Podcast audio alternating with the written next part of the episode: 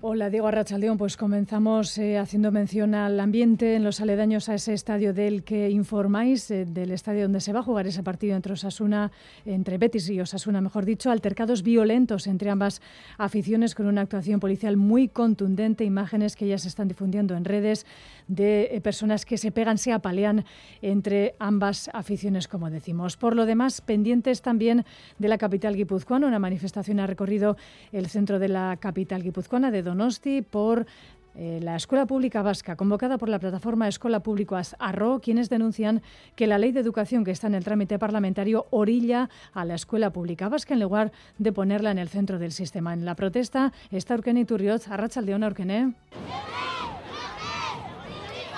A León, la manifestación discurre aún por las calles de San Sebastián. Hemos visto muchas familias, niños con sus padres, que han mostrado su preocupación por el futuro de la escuela pública vasca. Bi seme ditut, eskola publikoan e, ikasten dutenak, eta kezkatzen hauena da diru publikoa kontzertatura bideratzeak. Bai, kezkatzen hau, zen iruditzen zait gobernuak ez diola nahikoa garrantzi emoten eskuntzari. Euskal Eskola Publikoeko langilea naiz, ezagututa ikusten da nola geto bat bihurtzen ari da, gazteizen lotxagarria da, Rechazan la ley de educación y denuncian su carácter privatizador. Lourdes Imaz es miembro de EIGE. Dar el, modelo dual significa seguir con un sistema que segrega y seguir eh, con un sistema que no euskalduniza, ¿no? Entonces al final estamos eh, en una farsa.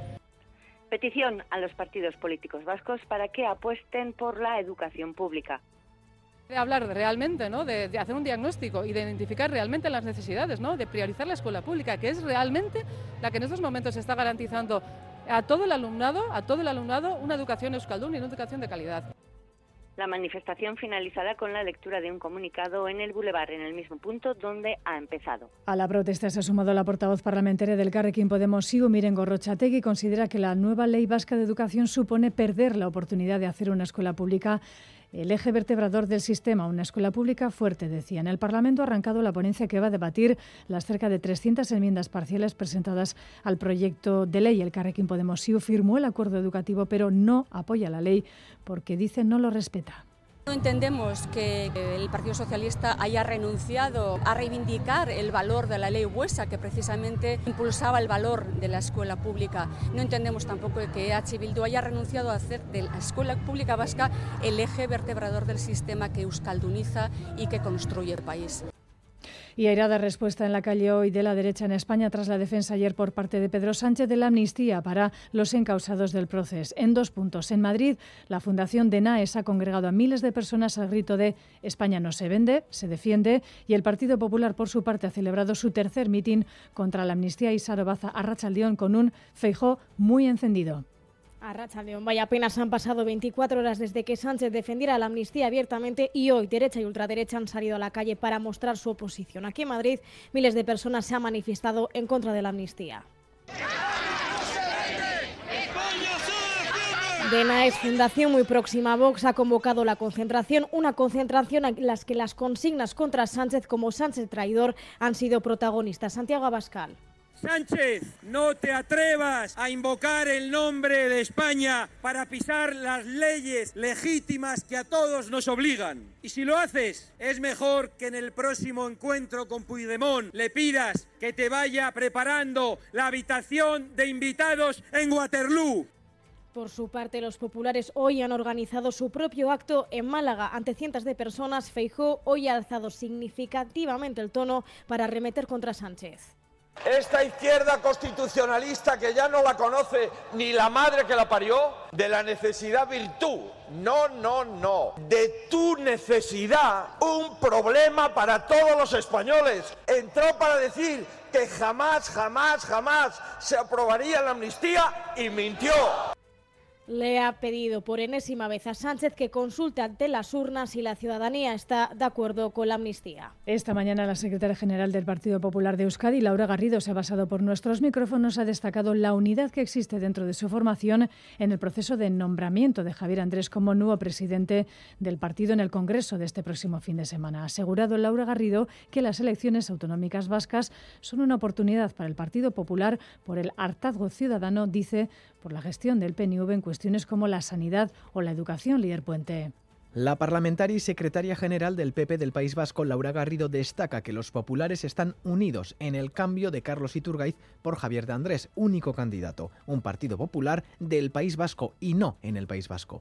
No somos una sucursal del Partido Popular eh, Nacional, del Partido Popular aquí en, en, el País Vasco, sino todo lo contrario, que somos un partido político con trayectoria, que hemos tenido responsabilidades de gobierno, Confía en que el nuevo presidente cuente con ella en el equipo directivo con el que esperan pescar en el caladero de votantes del PNV ante su hartazgo por la mala gestión.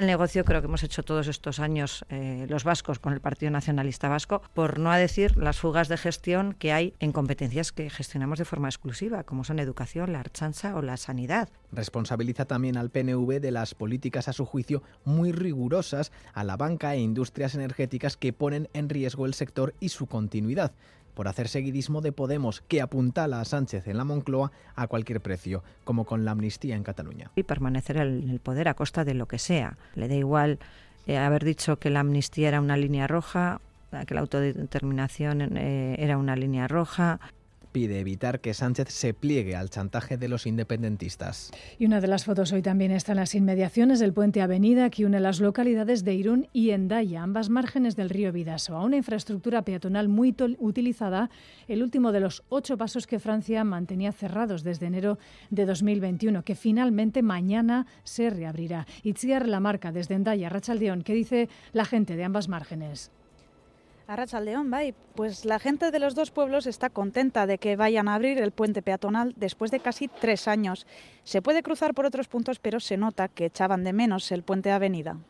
Debería estar abierto. Yo este puente siempre lo he utilizado sobre todo mucho para venir a pescar a cuando era crío y, joder, me gustaría que lo abrieran. Ni bizikletan ez ibiltzen, baina ni oinez bai. Ara eta guretzako komodoa da, eta denentzako ere pentsatzen dut baiet. Arriskutsua ere ba, ba, badago esparoia ibiltzeko eta bueno, baina hobeto da horti zuzenean.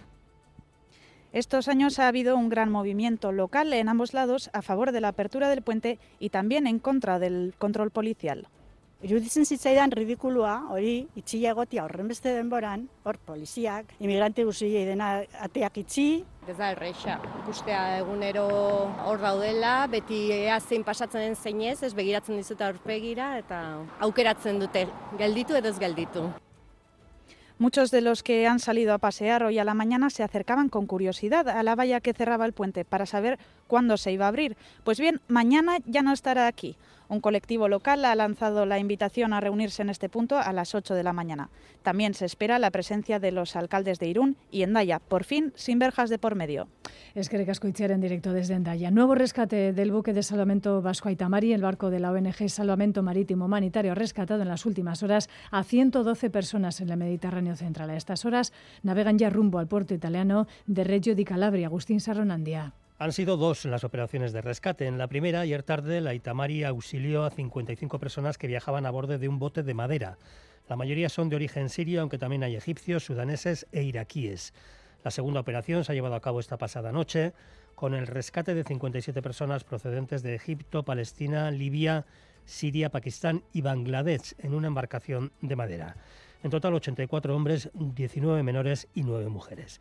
Todas ellas se encuentran a salvo, aunque con signos de cansancio e hipotermia, a la espera de ser desembarcados en Reggio di Calabria, a donde está previsto que lleguen mañana lunes al mediodía tras haber recibido el permiso de las autoridades italianas. Y en Oriente Próximo, según el Ministerio de Salud Gazatí, la guerra se ha cobrado ya la vida de 8.000 personas, entre ellas 3.500 niños. El ejército israelí niega tales cifras, lógicamente. Sus últimos movimientos sobre el terreno han sido más refuerzos de tropas en Gaza, en un momento en el que el primer ministro Netanyahu está dando muestras de nerviosismo o falta de control en sus actuaciones públicas. Está en el centro de todas las críticas del país, también parte de la comunidad internacional.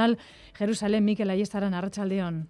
A León, Netanyahu está en el centro de todas las miradas en Israel. Pocas horas después de dirigir al país un mensaje para anunciar el inicio de la segunda fase de la guerra en Gaza, el primer ministro ha remetido en Twitter contra los responsables de seguridad del país por no haberle alertado del ataque de Hamas. Poco después ha borrado el mensaje y pedido disculpas. En un momento en el que Israel necesita unidad, Netanyahu vuelve a poner por delante su supervivencia política al interés nacional. El primer ministro está cada vez más cuestionado y en esta cuarta semana de guerra en Gaza, Tel Aviv ha vivido su primera manifestación para decir no a la guerra. Una mezcla de pacifistas, activistas contra la ocupación y familias de los cautivos en manos de Hamas han puesto en marcha esta movilización que pide el alto el fuego y la dimisión inmediata de Netanyahu, a quien culpan del colosal error de seguridad que abrió las puertas a la matanza de Hamas. Pues en este punto cerramos ya esta edición express de Crónica de Euskadi fin de semana con el pronóstico del tiempo que nos ofrece Jayone Munarriz de Suscalmet. Caixo Rachaldeón, durante la tarde el viento del suroeste soplará con menos fuerza que a la mañana, pero seguirá siendo todavía molesto, sobre todo en zonas expuestas. En la costa es probable que en algunos momentos se sople del oeste o noroeste.